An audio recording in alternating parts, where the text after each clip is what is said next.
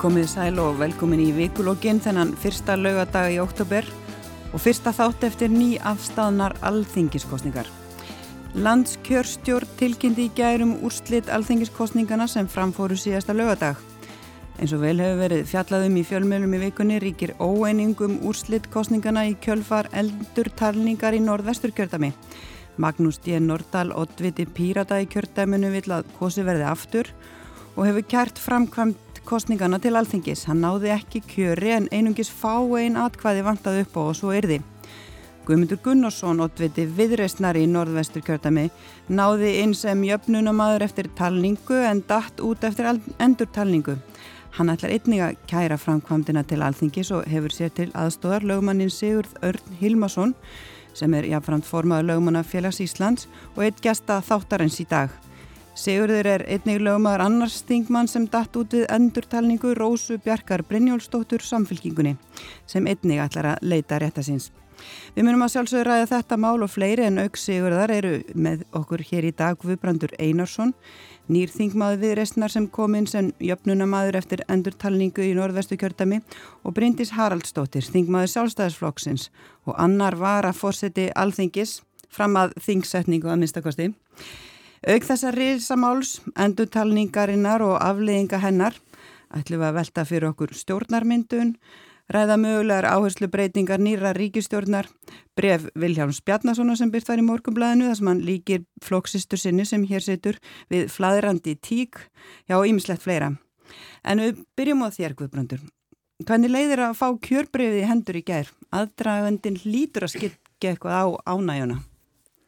Jú, ég, þetta eru blendnar tilfýningar sem að berast inn, innra með manni þessa dagana. Það er, það er sko korki, korki nýja í þessu.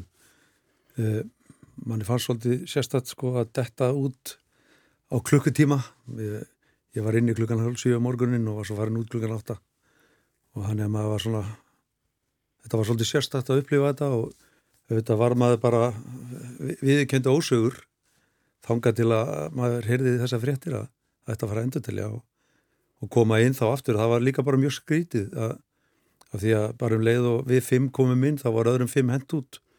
Og það bara hlýtur að þetta hlýtur að vera erfitt fyrir okkur öll. Og ég held að, að, að þau hinn sem að er í pottinu með mér þau upplýðið sömu tilfinningar og ég Hefur skilning á því að, að þau hlutið er allavega að kæra uh, þessa ákvörðin þessa niðurstöðu þessum dutt út?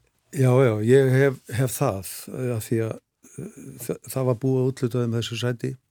Þannig ég, ég skilða vel. En að samaskapi myndi ég kæra ef mér er hend út aftur. Þannig að það eru ákveðinni hlutir hérna sem að þarf að fara vel í gegnum og, og við erum auðvitað bara, þetta er bara, þetta er bara mjög erfitt því að þarna er sko, eru flokksfélagar sko að, horfa, að bítast um það hvort, hvort fer inn þannig að þetta er kannski bara, bara erfitt fyrir okkur all. Ég, ég er að vinnu minn, Guðmundur Gunnarsson, er hinum einn.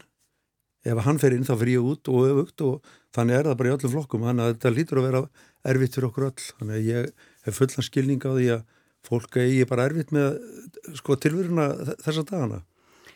En Bryndis, hvernig horfur þetta við þér? Nú eru þingflokkarnir svona farnir að hittast nýra á alþingi og, og fólk var að mætast á göngum alþingis og kaffestofun og mat, matsal og svona. Hvernig er andrumsloftið niður á þingi? Já, ég var nú niður á þingi í gær og andrumsloftið í mínu þingflokk er auðvitað bara gott og þar sem að hérna, formaður nokka var svona farið yfir það með okkur hvernig samningaviðraður gengju við hérna formen uh, stjórnaflokkana. En svona það verður nú alveg viðkennast að það er svona vandræðileg móment þegar maður hittir eitthvað á göngunum og maður veit ekki hvort að maður er óska viðkomandi eins og sessunötnum mínum hér til hamingi með þingsætið eða ekki. Þetta eru þetta svona vandræðilegt og leiðilegt en mér finnst þó mikið vægt að það má ekki skikja á það að við heldum hér kostningar þær í stóra samhengi hlutana gengur vel og það er alveg ljósta að hérna, stjórnir helt velli sem að var svona andstætt því sem að skoðanakannanir voru að sína e, lengi framanna.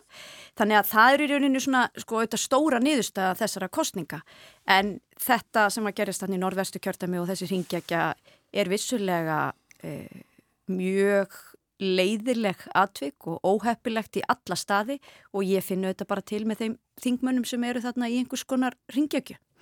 óhefilega og leiðilega, er þetta ásættanlegt? Nei, nýminn að það eru ekkit ásættilegt ef, ef að lögum er ekki fyllt þegar hérna kjörsæðlar eru ekki innsiklaðir og, og nei, það er ekkit ásættilegt. En eru þetta niðurstöðu sem að þú hyggst uh, staðfesta? Nú uh, verður, uh, eru þingmennskipar í kjörbrifanemnd, eins og ég sagði náðan þá er ég kannski bara lánsum að verða ekki fullt trúi minns flokks í þeirri nefnd því það er örgulega ekki auðvelt viðfangsefni. En ég ætla bara að treysta þeim ágættu fólki sem að fer í þá nefnd til að setjast yfir þetta, taka móti þeim kærum sem annars verður hafa komið og, og eru væntanlegar og fara yfir öll þessi gögn og ég held að maður bara svona dræði djúft andan og býði rólegur á meðan á þeirri vinnu stendur. Og það sé bara rétt að gefa því ágæta fólki sem að sesti þess að nefnd ráðrúm til að fara yfir þetta. Og ég auðvitað vona það að niðurstaðan verði með þeim hætti að fólki getur svona, já, sagt hún sé með einhverjum hætti ásættanleg. En ég menna það er ekkit, það er ekki eins og þetta sé einhverju góði kostir, það er ekkit einhver eitt góðu kostur í stöðinu sko. En þetta er spurning kannski um að finna skásta kostin. Og hver er hann að þínum átti? Ég, veistu það, ég bara tristi mér ekki til að segja til um það. Ég held að það sé bara ágætt að lefa þessu ágætt að fólki að fara yfir það. Um, eins og staðin er núna, þá er hort á setni talningu í norðvestu kjörtami. Um, allar hugmyndir um einhverja kostningu yfir landið eða uppkostningu eitthvað. Ég finnst það svolítið fjärstaðukentar hérna tilugur en En nefnum ekki bara að býða og sjá hvert það leður okkur. Ertu búin að skoða kæru Magnúsar uh, til alþingis þar sem hann kærir uh, þessa kostningu sem alþingi er síðan að fara að taka afstöðu til? Nei, hún var afhengt uh, hérna fórseta, starfandi fórseta þings í gær og ég hef ekki hérna haft tækifæri til að fara yfir hana. Mm. En hvað finnst þér um atriðin sem hafa þannig komið fram sem hafa verið sagt frá því fjölmiðnum til að mynda sem hann bendir á að uh, það sé ekki hægt að staðfesta setni talningu vegna þess að það er ekki vita hvað gerðist frá fyrir talningu. Það er ekki hægt að vita hvort talningin var rétt. Nei, ég, eins og ég segi, ég held að þetta fólk þurfu bara í nefndinu þurfu bara að fara yfir þetta og maður er búin að lesa ímislegt í fjölmilum eh, svona, en, en maður hefur ekkert séð neitt ennþá nákvæmlega yfir það hvernig þetta var, annað en það þetta, þarna var endurtalið og það er ljóst að það var ekki hérna insugluð atkvæði eða, eða herbyrgi og það hefur landskjörstjórn staðfest að það er sér ekki hægt að staðfesta það með ógindi hætti að e, ekki hefði verið átt við e, kjörsæla eða, eða þeir ekki hvað geimtir með viðunandi hætti. E, þannig að já, ég bara verðum ekki bara að býða og sjá hva, hva, hvert þetta leiður okkur. Ég held að við ættum ekki að fara að draga ykkur og svona bú okkur til ykkur afstöð bara þeim sko fréttum sem hafa komið fram í fjölmjölum við skulum bara fara vel og vandlega yfir þetta mál. Og ég bara tristi kjörbreyða nefn til að gera það. Sigur, ef við förum aðeins svona yfir svona svona afstöðu þinna umbjóðenda, Rósu, Bjarkar og, og Guðmyndar. Hvert er svona, hvað mál hafa þau í höndunum? Hvað, hvað eru þau í raunin að kæra og hvað eru þau að vonast til að fá út úr því? Já, um, ég held að sé öllum er ljóst að það hafi místök átt sér stað þarna við talningu atkvæða í norð-vestu kjörtæmi. Uh, yfirkjörstjórnin sjálf hefur gengist við því og, og beðist afsökunar en þarna voru nokkur atriði sem að fóru úrskeiðis og, og það má þau eru nokkuð mörg. Alvarlegast er þó uh, þessi varðveistla og öryggi kjörgagnana sjálfra. Og það setur málið í svona óleysanlega hnút vegna þess að ef að uh, mennaði einfallega farið að lögum hvað var þar svona varðveislu þessara gagna uh, innsiklaðu og gætt að þeim eins og laugin áskilja að það væri hér í raun og veru minniháttar vandamál að ræða. Þá væri einfallega hægt að skoða gögnin með vissum það ekki að vera átt við þau og, og þá telja þau bara aftur og skoða og, og þá væri bara lægi fyrir einn rétt niðurstöða sem að ætti þá að vera hafin yfir allan svona skinsanlegan vafa en þetta atriði varðandi sko meðferð gagnan að, að það eins og, eins og ég segi setur málið á allt annan og satt að segja bara mjög óhefliðan stað. Um, auðvitað, bæði fyrir þessa þingmenn sem að lendu í þessari hringekju hvort sem að þeir voru þá að detta inn eða út. Um, það hefur óhefliða áhrif á, á lögjafavaldiði núna. Það kemur einhver óvissu tímabil uh, sem að þarf þá að leysa úr og, uh, og kannski er samt alvarlegast auðvitað hvernig þetta byrtist sko kjósend og, uh, og það er svo mikilvægt að, að það ríki tröst um, gagvart sko stofnunum samfélagsins og sérstaklega kostningum og þetta er svona kjördagur, þetta er eitt svona eh, fallegasta stundin í okkar samfélagi. Það er almenningur að velja sér fulltrúa til þess að setja lög og, og, og, og framkvæma þau. Og það er mjög mikilvægt að það ríki tröst. Samfélag okkar byggist nefnind akkurat á, á þessu trösti, hvort sem er á kjördegi eða einfallega þegar maður feð með batnið sitt í leikskólan. En það byggir allt sem hann á, á trösti og það þarf að varðvita það og uh, svo getur mann haft skipta skoðunar hvernig það sé best gert uh, hvort að það sé gert með því að, að tala ekki um það sem er fer úrskeiðis eða þá að, að, að skoða það með sangitum hætti og þannig að það sé þetta að læra af mistökunum sem verða og, og leiðrætta þau. En við förum að hans í gegnum sko hvaða úrræði þau hafa. Þau geta kært uh, framkvæmdina til alþingis eins og mm -hmm. þegar hefur verið gert og mm -hmm. þau uh, er að skoða að gera. Mm -hmm. Hvað annað er hægt að gera? Um, það er nærtakast í möguleikin er mynd akkurat þetta. Það segir í stjórnaskráni að alþingi sjálft úrskurðar um lögumætti uh, kostninga og, uh, og sem eru auðvitað áhugavert út af fyrir sig og kemur kannski til umræðu hér á eftir.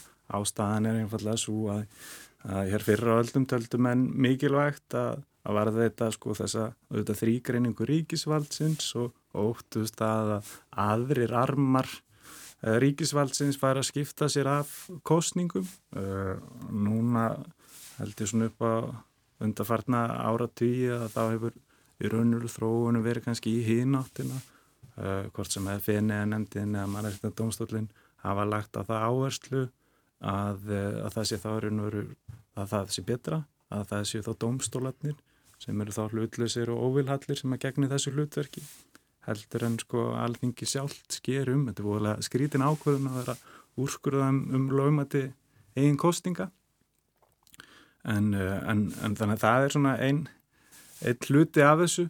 En úrræðin sem að þau hafa, það eru þetta fyrst og fremst eins og segja þetta, kæra, kæra til alþingis og þar fær máli skoðun og, og verður vonandi skoða bara ítarlega þar og vel. Og, og ég held að það sé mitt rétt hjá svona uh, þeim þingmönnum sem að fá þetta hlutverka, ef þetta býða þess að fá öll gögnin og, og skoða þau og mynda sér svo afstöð til þess hvað, hvað sé rétt, rétt að gera. Uh, það er svo sem komið fram í fjölmiðlum að að eitt þessara frambjóðanda sem að þá dætt út af þingi við endurtalningu hafi til lauruglustjóra og, og það, það er svo sem einn möguleiki en kannski mun ekki ráða úrslutum lögmæti kostningana heldur frekar svona, þá erum við nú komin inn í svona annað lagaumhverfi sko, var það hvort hugsanlegt sak enda atverðli eða, eða einhvað slíkt sko.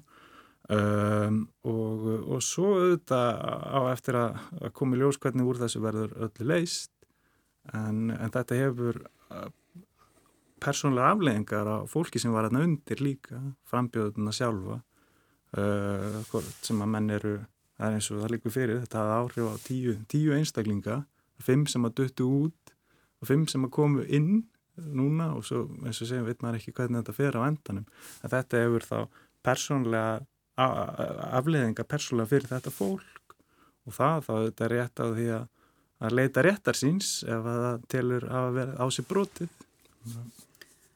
Og Guðbranda, þú sagðir hérna án að ef að verður horfið frá þessari endurtalningu og niðurstöðu hennar myndir þú kæra. Hvað verður að kæra þá? Og, og, og, og erum við þá bara að horfa fram á að sama hver úr svona niðurstöðan verður hjá alþingi, þá verður bara áfram kært? Það liggur alveg fyrir og það verður alltaf einhverjir óanæður. Sko, lögmaðurinn segir óleysanlega hnút, hann nefnir þetta sem óleysanlega hnút og ég held að það verði bara þannig, það verði alltaf einhverjir óanaður með niðurstöðuna, hver sem hún verður það sem að ég hef auðvitað bara verið að horfa á, sko, það er eins og við viðrisnamenninir séum upphafið að þessu það, það er eins og það hafum bara munað tveimur atkvæðum á mér og fötru og viðrisnar í norvestu kjörtami í uppbótar í þingmannsætunum og, uh, og landskjörstjórn fyrir að stað og bendir á þetta. Og yfir kjörstjórnir uh, eru beðinum að skoða þetta frekar. Annars vegar í norðvestur og síðan í söður söður kjörðum er nokkuð vist um uh, það að þau hafi talið rétt og segja að það sé engi þörf á við telja áttur norðvestur aftur á móti skoðarmálið og sér strax að það er einhver villaðan í gangi. Og ef að hefur munað tveimur atkvæðum ágrupalega þá kemur ljós í bunga viðrisnar í norðvestur að þar inni leynast sko atkvæði sem átt að tilera sjálfstæðlöki þannig að uh, uh, norðvestu fulltrúi viðrisnar er dæmdu niður um tíu atkvæði sem að gefur þá auga leið að ég er komin inn. Og, og ég lít þannig á ef að menn höfðu talið rétt uppalega þá hefði ég aldrei dottið út. Bara mistökin við talninguna að gera það verkum að ég dett út á síðustu metrónum og annar fulltrú kemur inn. Mm. og þess vegna myndi ég skoða minn rétt allir menna að breyta þessu. Síðan er auðvitað það sem er auðvitað það sem fólk er að velta fyrir sér var hreitt við gögnunum. Og, og lögum að nefni það þá ef að ef við höfum verið hreitt við gögnunum þá er náttúrulega bara allt upp í loft þannig að maður bindur vonir við að þessi myndavil upptaka sem að verist vera hann til staðar, hún getur leitt það í ljós annarkvort að enginn hafi uh, hérna hreitt við gögnunum eða einhver annar hafi, einhver hafi hreitt við gögnunum og þá, það, þá kom bara ný staða ef, ef að það er. En, en ef að enginn hefur hreifti gögnum þá finnst mér eðlilegt að endurtalning sko, standi af því að hún er leiðrætting á mistökum. Sangvann kæru Magnúsar uh, Nordal til aðþykis er bent á að það hafi það sé ekki ljós hverjir voru viðstættir þegar uh, atkvæðin voru opnuð nýju. Er það eitthvað uh, sem skiptir stórum áli, er eitt af því sem erum að skoða hvort og þá hver og hvernig hafi við verið hreift við þessum gögnum er þess að myndavel upptökur eitthvað stort atrið í þínum hugasögurir? Sko ég held að uh, eins og ég nefndi á hana þá er þetta tröst sem að skiptir svo miklu máli við, við framkvæmt kostninga og uh, til þess að tryggja tröst ríki að þá eru til dæla nákvæm fyrirmæli í lögunum sjálfum um eða flest öll þessi atriði. Um, hvernig á að fara með kjörselana, hvernig á að fara með það á milli kjördelda, þeir eru afhendir uh, yfir kjörstjórn, um, hvernig að úrskurða um tiltekin atkvæði, hvað er að færa í, í gerðabók yfir kjörstjórnar og, og, og hvernig að fara með gögnin og svo framvegs. Uh, allt miðar þetta því að, að lámarka hættin á mistökum. Um, og hérna og þannig að, að laugin og allt ferlið er þannig að að menn eru bæði með sko belti og axlabönd. Og, og þess vegna held ég að það sé rétt almennt að kostningar í Íslandi gengi mjög vel fyrir sig. Þetta er mjög vanda ferli. Og það eru það sem er óttast mest í þessu að hérna, fólk missi einhvern veginn trúna á, á kostningunni sjálfur kostningakerfunu sjálfur, þessu ferli.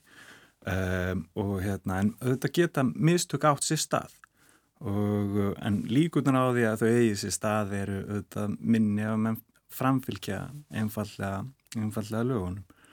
Uh, og þess vegna sko, endanum munir þetta kannski líka svolítið hverfast um það sem að koma mitt fram í, uh, í ákurun hæstarettar um gildi uh, kostninga til stjórnlagathings að þar segir hæstirettur sko að, að það sé ekki nóg að það sé rétt talið heldur þarf að ríka tröst til þess að, að svo hefur verið að verki stað um, og þetta snýstu þetta líka um, um, um þetta atriði, ásýndin á það allt saman.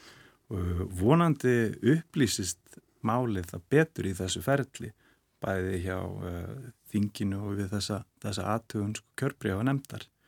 Uh, og, og, og þá kemur það í hlut þá alþingis að meta það hvort uh, þessi místök sem áttu sér stað eða ákallar, í raun og raun og maður kannski réttar að kalla, ákallar á framkvæmt kostningana, hvort að það megi ætla að þeir hafa haft áhrif á, á, á úrslitt kostningana. Það er í raun og veru mæli hverðin samkvæmt kostningalögunum.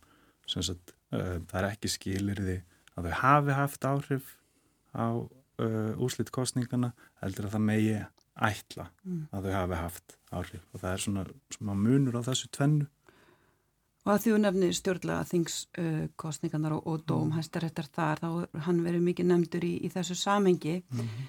En uh, þar kemur fram meðal hans að þetta séu svo mörg atriði sem mm. þar uh, mátti gera aðtöðasemdir við. Ekkert eitt þeirra hafi verið nægilega alvarlegt til þess að uh, svona er þið úrskurðað eða dæmt Um, ef þú berð þetta atrið sem við erum sérstaklega svona að horfa á hér, hvað mm. gerðist þarna í millitíðinu, gögnekki, innsikluð og fleira, mm. ekki kallað til uh, fulltrúar uh, allra frambóða í mm. endurtalningu, -hmm. það var uh, svona ekki farið að ósk uh, fulltrúa pýrötu eins og Magnús lýsir um að býða eftir að þeir, þeir kæmu í borganis, það sem endurtalningin fór fram, Þínu mati er þetta næjanlega mikil mörg og alvarleg atriði til þess að, að er sambarilegt við þá niðurstöðu sem hæstiréttur kom staði í, í, í stjórnlaðingsmálinu? Ég, ég held að það með segja, segja svo að þarna séu komin upp atrið er, er kunna að varða þá ókildingu þarna. Um, og þetta eru eins og segja, þetta eru er, er nokk mörg atrið sem að veriðast hafa farið þarna úrskiðis alvarlegast er þetta sem ég hef nefnt þarna varðandi varfislu gagnana um, svo eru þarna önnur atrið það, það er líka gott fyrir fólk að, að vita sko þessir umbóðsmenn frambóðan að gegna mjög mikilvægur hlutverki uh, í öllu ferlinu. Og, uh, og, og, stjórnmálflokkarnir flest allir hafa alltaf sína umbóðsmenn við talningu og, og, og þeir sína, sína svona þessu eftirliti uh, og, og það sem er mjög mikilvægt vegna þess að stundum finnst uh, kunna kannski einhverjum að þykja þetta sé einhver svona afskiptasemi að þarna sé menn einhvern veginn að beita einhverju pólitísku valdi eða einhvað slíkt. Það er alls ekki raunin, heldur eða þetta er raun og bara eftirlitslutverk það sem menn eru raun og að, að, að tryggja það að, að réttilega sé staðið að, að framkvæmt kostningana og, uh, og það verður að segjast eins og ég er að það var heldur mjög óheppilegt að, uh, að þarna hafi þá umbósmenn uh, flokks í það minnst og það er raunar þannig í lögunum að ef að frambóðslistar er ekki með umbósmann að þá á yfirgjörstnin að kveða til valengunan mann til þess að gegna því hlutverki fyrir flokkin vegna þess að út af þetta eftirlitslutverk er svo mikilvægt og það er reyndar líka, líka þannig að, að kostningarnir eða þessi talning atkvæða að fara fram fyrir opnum dýrum þannig að kjósundur með þessi sjálfur getur fengið að fylgjast með. Og við sjáum það núna svona á 21. öldinu og þessum kostningum, ég skilst að einhverju tilfellum hafi uh, yfirkjörstjórnum verið að streyma þessu úr, uh, bara með vef, vefmyndavélum þannig að allt miðar, raun og öll kostningalögjum og framkvæmdi miðar er mitt bara til að því að, að, að minga líkutuna mistök eða þessi stað og, og, og, og auka þetta tröst. Þannig að fólk, almenningur, allir kjósendur treysti þessu ferli. Þannig að þeir viti þá að, að þingmennindir sem eru þeirra fulltrúar uh, hafi verið réttilega kjörnir samkvæmt uh, lögumætum uh, kostningum. Bryndís, eh, Sigur, talaði mikið um tröst. Þú talaði áður um, áður um þessa, þessa kosti og enginn þeirra væri rauninu góður. Hvaða leið getur alþengi farið til þess að, hvað finnst þér svona réttasta leiðin til þess að reyna að ebla tröstið? Já, ég held að við þurfum klárlega að læra þessu mistökum og það þarf auðvitað betra eftirlit og ég vænti þess að hér eftir muni aldrei vera talið og kjörsælar geimtir án þess að það verði innsikla. Það er auðvitað í lögum og það hefði auðvitað ekki dátt að gerast en það gerðist í þessu tilfelli og, og ég tristi því að það muni aldrei gerast aftur og við auðvitað þurfum að vekja upp þetta eftirlit með því og ég hugsa þetta sé bara ámenning til allra sem koma að þessu ferli hversu mikilvægt það er. Sigur nefnir mitt hérna sko umbósmenn hérna e, listana og ég er svona gegnum tíðina, þú veist, margi liti á þetta sem svona að þarf þetta mm. endilega og, og hérna oft hefur kannski fólk sem kemur svona að þessu fundist þetta svona full mikið fyrirtæki allt saman í kringum þetta en það sannast ymmit í svona atvikum hversu mikilvægt það er, að hversu mikilvægt að verkverðlarnir séu skýri, lögin mm. séu skýr og því séu framfyllt. Þannig að ég vænti þess að það sé nú stóri lærdómurinn. Svo auðvitað getur við velti fyrir okkur sko hvort að e, þetta sé rétt kannski svona til lengri tíma litið að hérna, það sé alltingi sjálf sem úrskurðar um gildi kjörbreyfana ef eitthvað svona kemur upp. En, en það er það umhverju sem við búum í núna. Það er það sem stjórnarskrán segir okkur að gera og það er það sem við þurfum að gera núna. Það, það er eitthvað sem við verðum að gera. Það er það sem stjórnarskrán mæli fyrir um, um en er ekki samt ákveðin ómöguleikið í? Ég veit ekki hvort að þetta nota orðið ómöguleiki, ég menna, nei, þetta er það sem við þurfum að gera, þannig að það verður mögulegt, er, þannig að ég held að það sé ekki ómöguleiki, en spurning sko e, væri eðlilega að hafa með öðrum hætti, eh, það eins og hérna, ég menna, hér var nefnt á þann að það voru eitthvað rauk fyrir þessu á sínum tíma og þá þurfum við bara að velta fyrir okkur er, er ástæð til þess að breyta þessu. Um, og við höfum vonandi fjögur ár til þess að velta því fyrir okkur því að stjórnarskrafbætingar verði þá vantarlega ekki afgreitar fundir lokþings og þú svo þurfti þá að kjósa aftur. Þinn flokkur Guðmundur hefur til dæmis eh, svona Seima Guðmundsson talaði um það einhver, staðar í vikunni, einhver umræði þætti að, að það væri jú vissulega ákveðin ómöguleiki í þessu vegna þess að þarna væru þingmenn að úrskurða um lögmætti þing sem að þeir væru síðan jafnvel ekki hluti af þegar til kastanin kemur segjum að ef það er þið ákveðið að fara í uppkostningu og það er þið kursu upp og nýtt í þessu kjörta með jafnfélagandinu öll, þá er þetta ekki þing sem að síðan er lögmætt kjörið. Hva, hvað sjáu þið? Hvaða leið sjáu þið út úr þessu?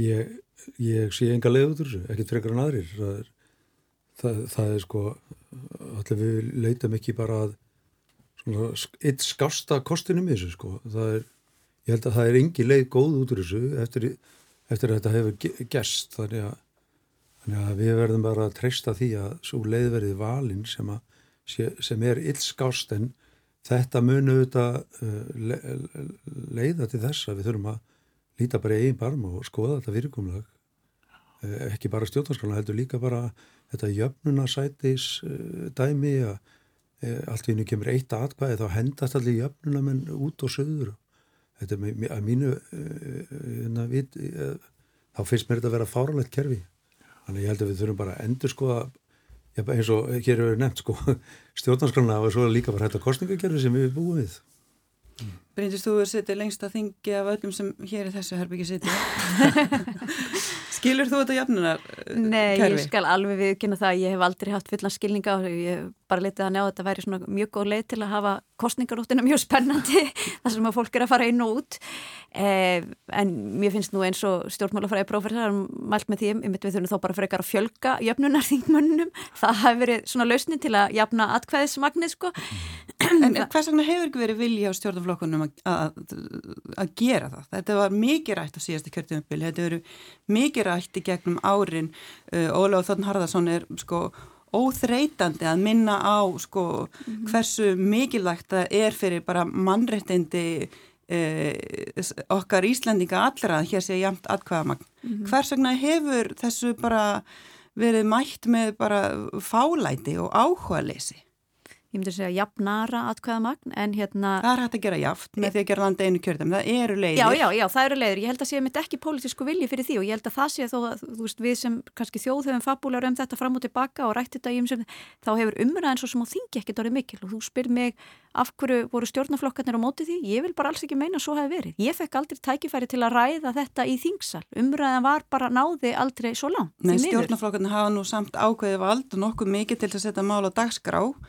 Ég Ef þeir hefðu haft áhuga að breyta þess að hefðu þeir gert það.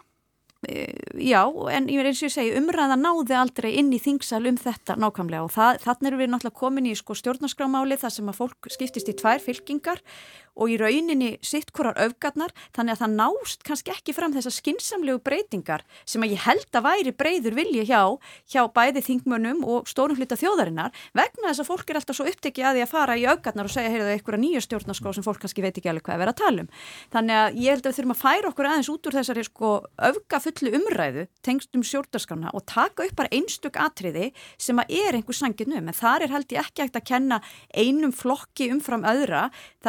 flokkar sem sagði bara við erum ekki til samtals um þetta vegna þess að við viljum bara nýju stjórnarskrana og nú setjum við upp svona gæsalappir því að það er auðvitað að takast á líka um það hver er nýja stjórnarskráin. En eitt af því sem hefur bent á þeir flokkar sem hagnast hvað mest á þessu kerfi eins og núna er sjálfstæðarflokkur og framsaknaflokkur Getur það verið ástæði fyrir þessi tveir flokkar sem hafa verið hvað lengst áttar flokkar í ríkistjórnum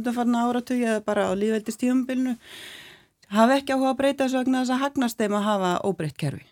Býtu, en er það? Ég menna, erum við ekki að ræða öll þessu jöfnaþingsæti og ekkert að þeim eru þingmenn ekki... sjálfstæðisflokks og, og framsóknarflokks? Þetta sko. hefur bara komið upp í umræðinu undarferð og verið bent á þetta af stjórnmála fræðingum. Já, en það, það, það var mikið rætt núna fyrir þinglokk að þetta fjölga jöfnamunum mm.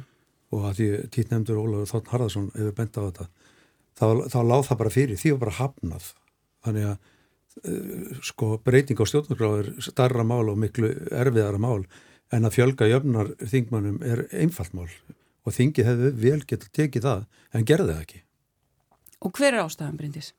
Ég bara veit ekki, ég fekk aldrei að taka þátt í þeirri umræðu.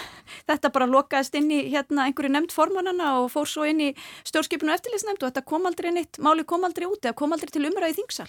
En finnst þér það afsökun að þetta hafa aldrei komið til umræðu þingsal? Ættu ekki bara allir þingmenn að berjast fyrir því að þetta verði gert bara sem fulltrúi sína kjósenda? Uh, sko, ég er hérna þingmaður í staðsta kjördaminu, söðvestu kjördami og hérna við höfum nú verið að ræða hérna sko kostningarnan í norðvestu kjördami sem er minnsta og fámennasta kjördamið og þó að hérna ég geti sagt í einhverju yfirleiti hér að auðvita á atkvæði hvers einstaka, einstaklings í söðvestu kjöldum að gilda það sama þá óttast ég mjög hver útkoman yrði á alþingi á meðan við erum með þessa kjöldamaskipun eins og hún er ef að þar væri bara örfáir þingmenn. Þannig að mér finnst mjög mikilvægt að landsbyðin hafi líka sína fulltrú og ég veit að þú kemur hér úr stóru landsbyðar kjöldami, mér finnst það mjög mikilvægt. Þannig að ég þess vegna jafnari Nei það er svona að segja, ég held að við getum haft að jafna ra, en ég held að við getum ekki farið í það að eitt atkvæð á norðvestur hérna kjörtami væri jafnt og eitt vestur hérna atkvæð hér, því þá er einfallega skiptingi svo óboslega mikil á þingi og ég lít svo sem á mig sem þingmann alls landsins og þá getum við farið að velta fyrir því, okkur fyrir því, eigum við bara taka út þessu kjörtumaskipun og segja þetta sé landið allt en svo eru margir á því að kjörtumi sé bara stór og við ættum að splitta þau upp þannig að þetta er bara ennþá umræðan sem við erum í og höfum verið í á síðust áratug. En ætti ekki alltaf að vera endamark með að, að, að, að hvaði eh, vegi jaft? Ætti það ekki alltaf að vera endamark með óháð öllu öðru? Uh, ég vil meina að það skiptir nú mestu máli að á alþingi séu við með fulltrúa landsins alls og þannig að það, ég veit ekki hvort að það eigi að vera stæðstu útgangspunkturinn. Ég held að við þurfum alltaf að horfa á eitthvað jafnvægi út frá landinu öllu. Ég held að það skiptir miklu máli. Þannig að þú ert í raunin að segja að þú ert sért sátt við þetta kæru sem er núna ríkjandi bara vegna þess að það endur speklar uh, svona uh, miskiptingu milli landsvæða? Nei, ég er ekki endilega að segja sé, sko, að það þurfi ekki að breyta því.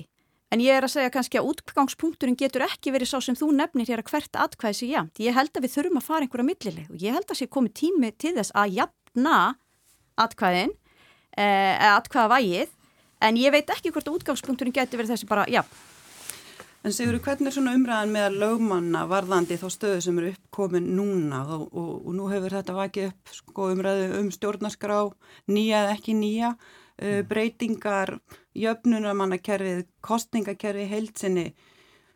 Hvert svona, hver er leiðin út úr þessu uh, þegar við horfum bara á lögin? Hvaða leiðir er hægt að fara?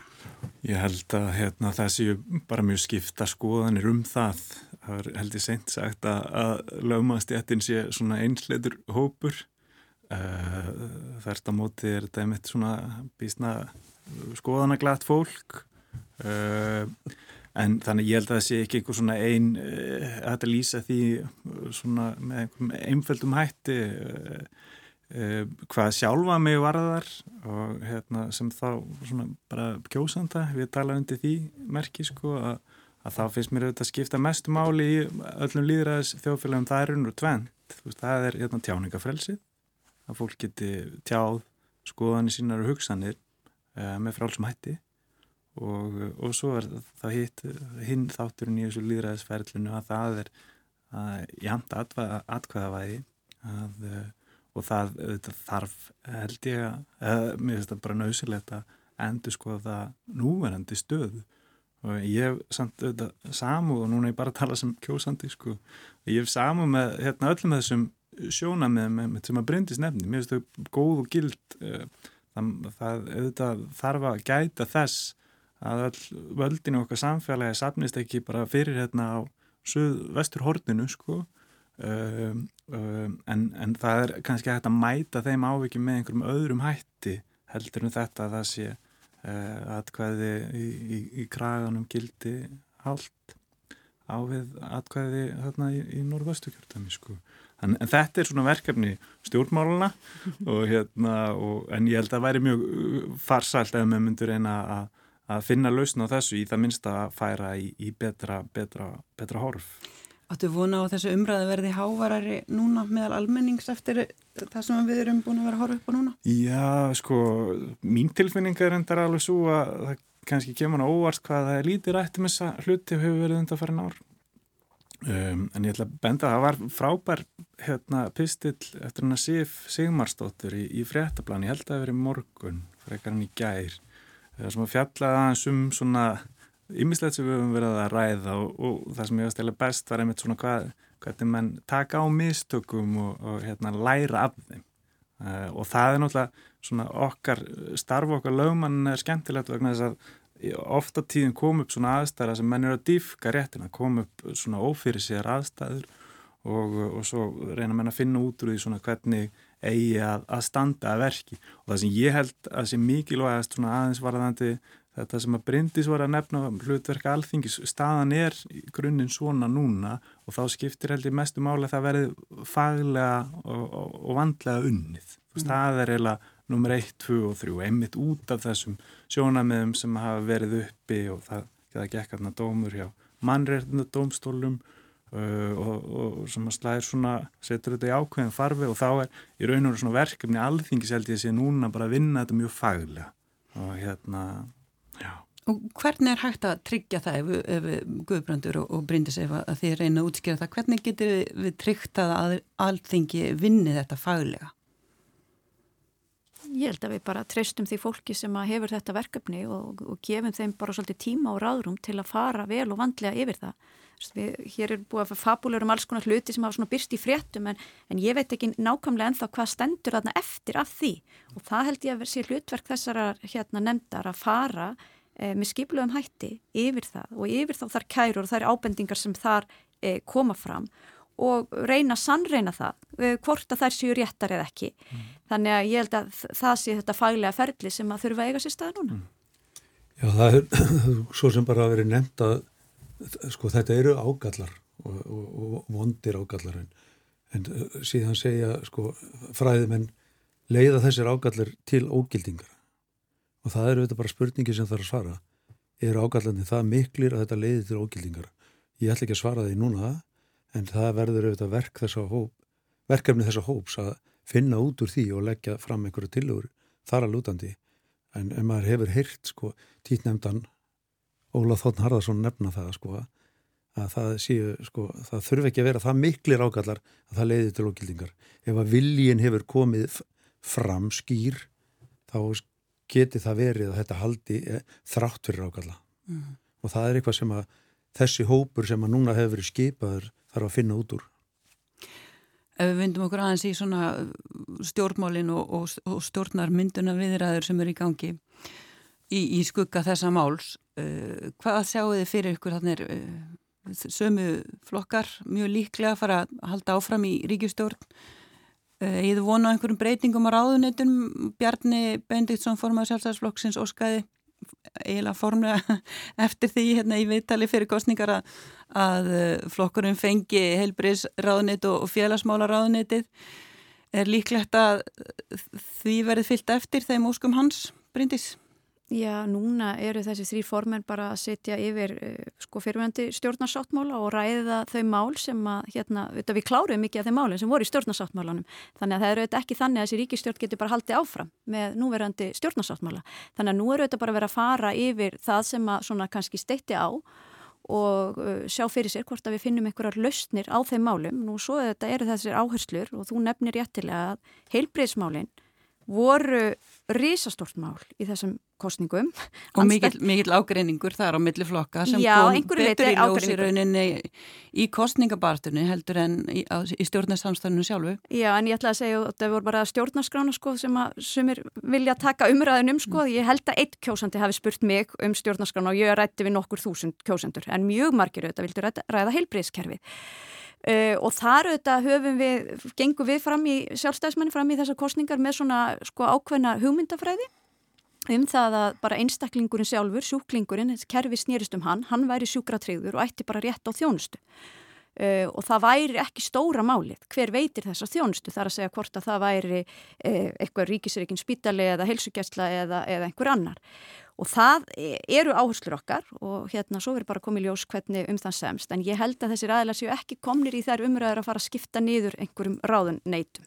Við verðum auðvitað að byrja á því að fara yfir sko málefna samningin sjálfan og ná utanum þau málefni sem að þessi flokkar vilja þá vinna að á næstu fjórum árum og stóramálið er ekki endilega hver situr í, í sko stól ráðherra heldur hver eru verkefnin sem að við ætlum að fela þeim aðila að vinna.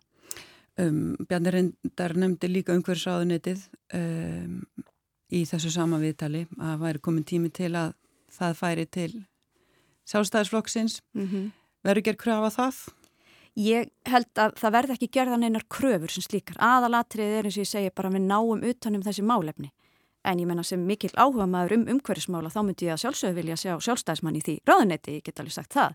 En stóra máli er auðvitað við náum utanum uh, þennan risastóra málaflokk Og þetta er annað af þeim málum sem að voru mjög hávar í þessar umræðu og sérstaklega ánægilegt að sjá hvað ungt fólk hefur mikla skoðanir á þessu og, hérna, og það sýnist sér bara að þetta verður auðvitað að vera áfram á dagskrá og þarna þarf að grýpa til aðgerða. Við sjálfstæðismenn gengum fram með mjög skýra stefnu e, í þessum málum, loftlasmálunum og þar eru við aðalega að tala fyrir orkuskiptum Nú til þess að fara hér í orkuskipti þá þurfum við líka að geta nýtt þær öðlindir sem til staðar eru í landinu, þessa frábæru grænu orkokkar. Þannig að þar eru við komin inn í ramman og miðhálindstjóðgarð og ímislegt svona sem að þarf einhvern veginn að leysa úr og finna einhverjar viðunandi lausnir.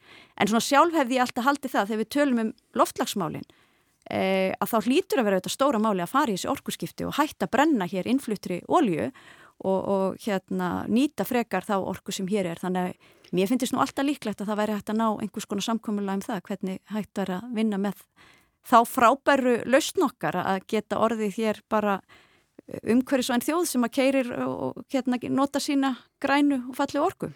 Guðbrandur, nú skoraði sjálfstæðarflokkurinn ekki mjög hátt á úttækt umhverfi sinna varandi áherslu þeirra í orkumálun þvert það sem brindi sér að lýsa hérna núna.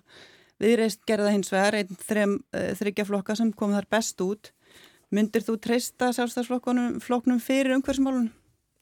Sko, ég hefði náttúrulega vilja að hefði orðið stjórnarskipti hérna.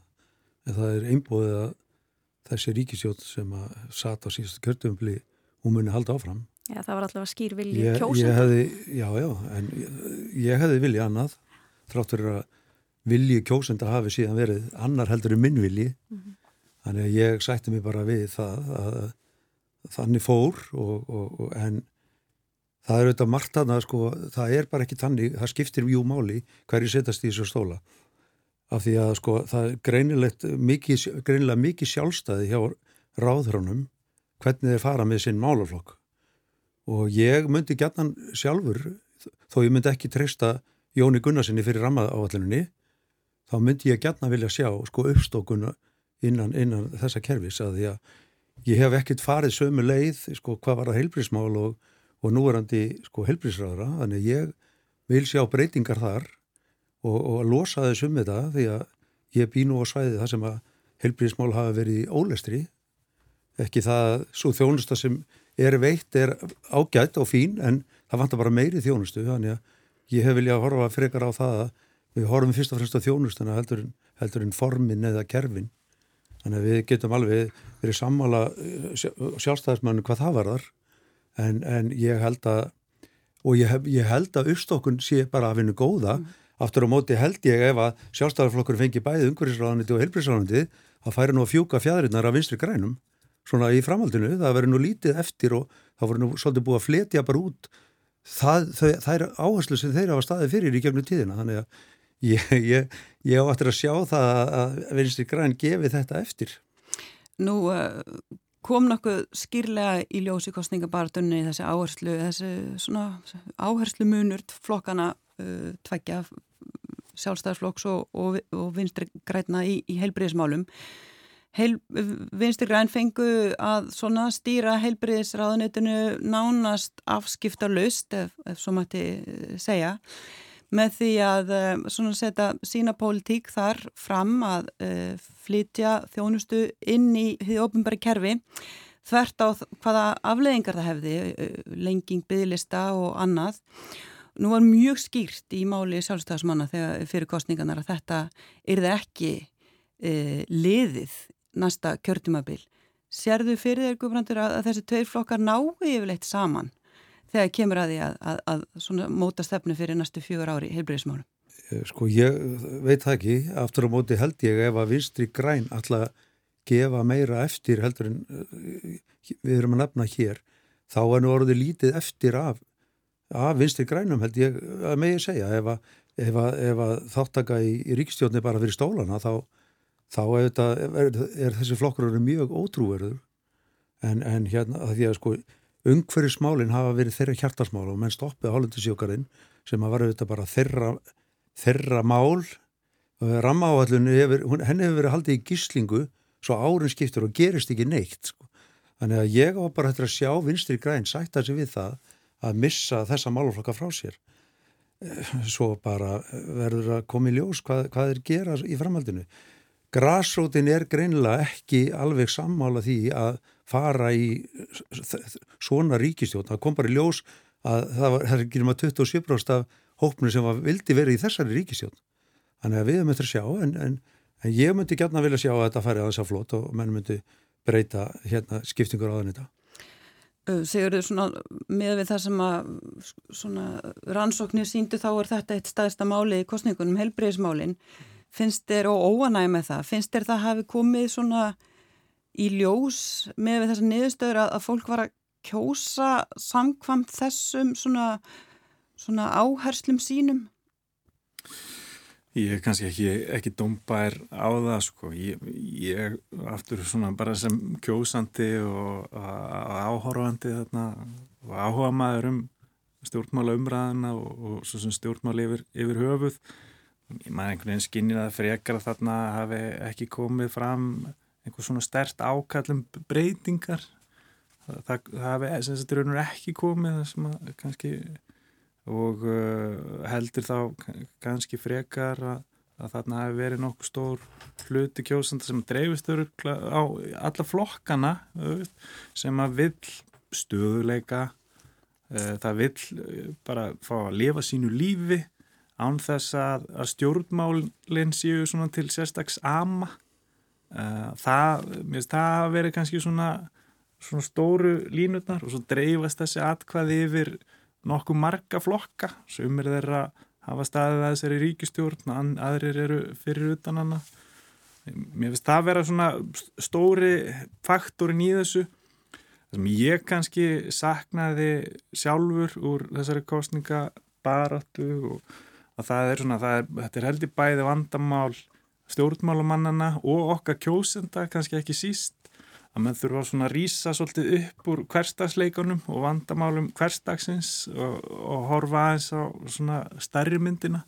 Og þar eru þessi sko loftlagsmálin uh, hefðu svona mínu viti, þetta er, þetta er það mál sem er svo aðkallandi að, eh, að það þarf að, að, að sinna því að mikillir kostgefni og það er bara svona mannlegt að menn eru bara að hugsa um mánundasísuna og, og við þekkjum það öll sko að menn gera, fara, ætla að fara að kjósa út frá þessum áherslum síðar eða fara að flokka hérna rusli með öðrum hætti bara eftir, eftir helgina sko.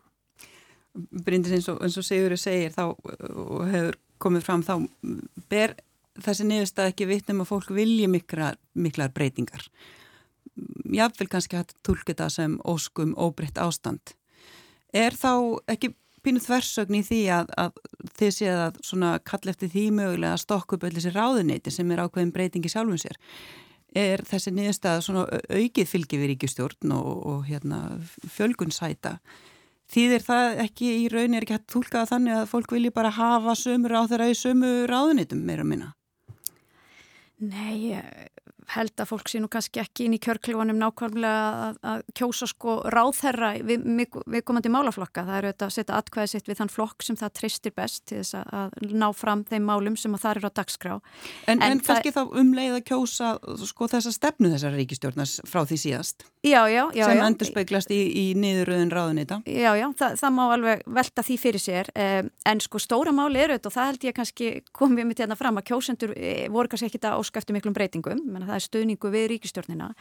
Það er þá væntalega hægt að líta þannig á að kjósendu treysti þessum flokkum til að leiða landið áfram næstu fjögur árin og í grunninu auðvitað þá verðum við að muna það að við höfum það náttúrulega askoti gott inn hérna upp á Íslandi og það hefur allt gengið óbúslega vel. Við erum alltaf í efstu sætonum í saman, alþjóðlegum samanburði um öll helstu mál, meiri sé helbreyðsmálinn þó að við höfum hér sterkar skoðanir á því að vilja gera hlutina enn betri. Tólkar, tólkar þá ekki mikla fjöl, þessa mikla fjölgun kjósendaflokks fólksins til að mynda mm. sem ákall sístækandi hóps um breytingar fólks, hópur fólk sem að hefur það bara ekki anskoti gott eins og mm. þú voruð að mm -hmm. þýðir það... það ekki það það er hópur hérna sem að þið eruð ekki að hugsa um það er hópur hérna sem hefur það ekki nógu gott og verkefni okkar eru auðvitað að finna þær lausnir þannig að hér hafið það allir mjög gott eh, sem betur fyrir hafa langflestir það gott. Og, og þú nefnir hérna flokk fólksins sem að náði mjög góðum árangri í þessum kostningum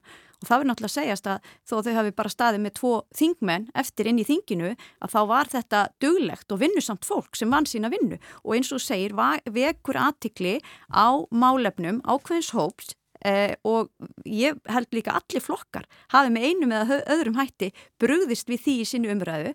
Og hérna við höfum, kannski höfum ekki tíma til að fara í það en við höfum þetta, vorum hér með á dagskrá ákveðna breytinga á því hvernig við viljum uppstokkuna á, á, út frá málefnum öryrkja.